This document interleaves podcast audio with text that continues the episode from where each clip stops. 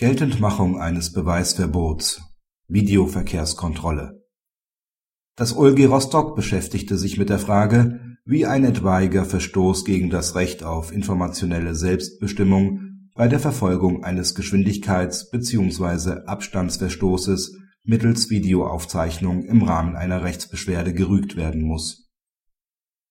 Zunächst legt das Gericht dar, dass allein ein vermeintlicher Verstoß gegen ein Grundrecht nicht genügt um ein Prozesshindernis darzustellen.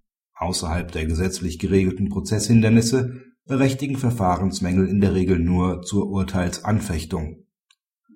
Sowohl Beweiserhebungs als auch Beweisverwertungsverbot müssen durch den Betroffenen im Rahmen einer Verfahrensrüge geltend gemacht werden. Von Amts wegen muss das Rechtsbeschwerdegericht diese nicht berücksichtigen.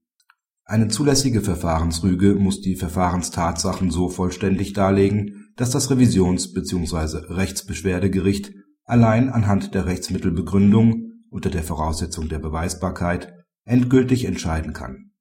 Dazu ist insbesondere erforderlich, dass aus der Begründung hervorgeht, wie und ob sich der Betroffene im Verlauf des Bußgeldverfahrens zu der Verwertung des in Frage stehenden Beweismittels positioniert hat.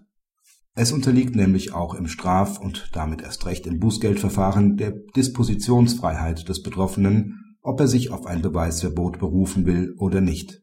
Widerspricht der Betroffene nicht frühzeitig der Beweisverwertung im konkreten Fall, ist er mit einem darauf abzielenden Rügevorbringen zu einem späteren Zeitpunkt präkludiert.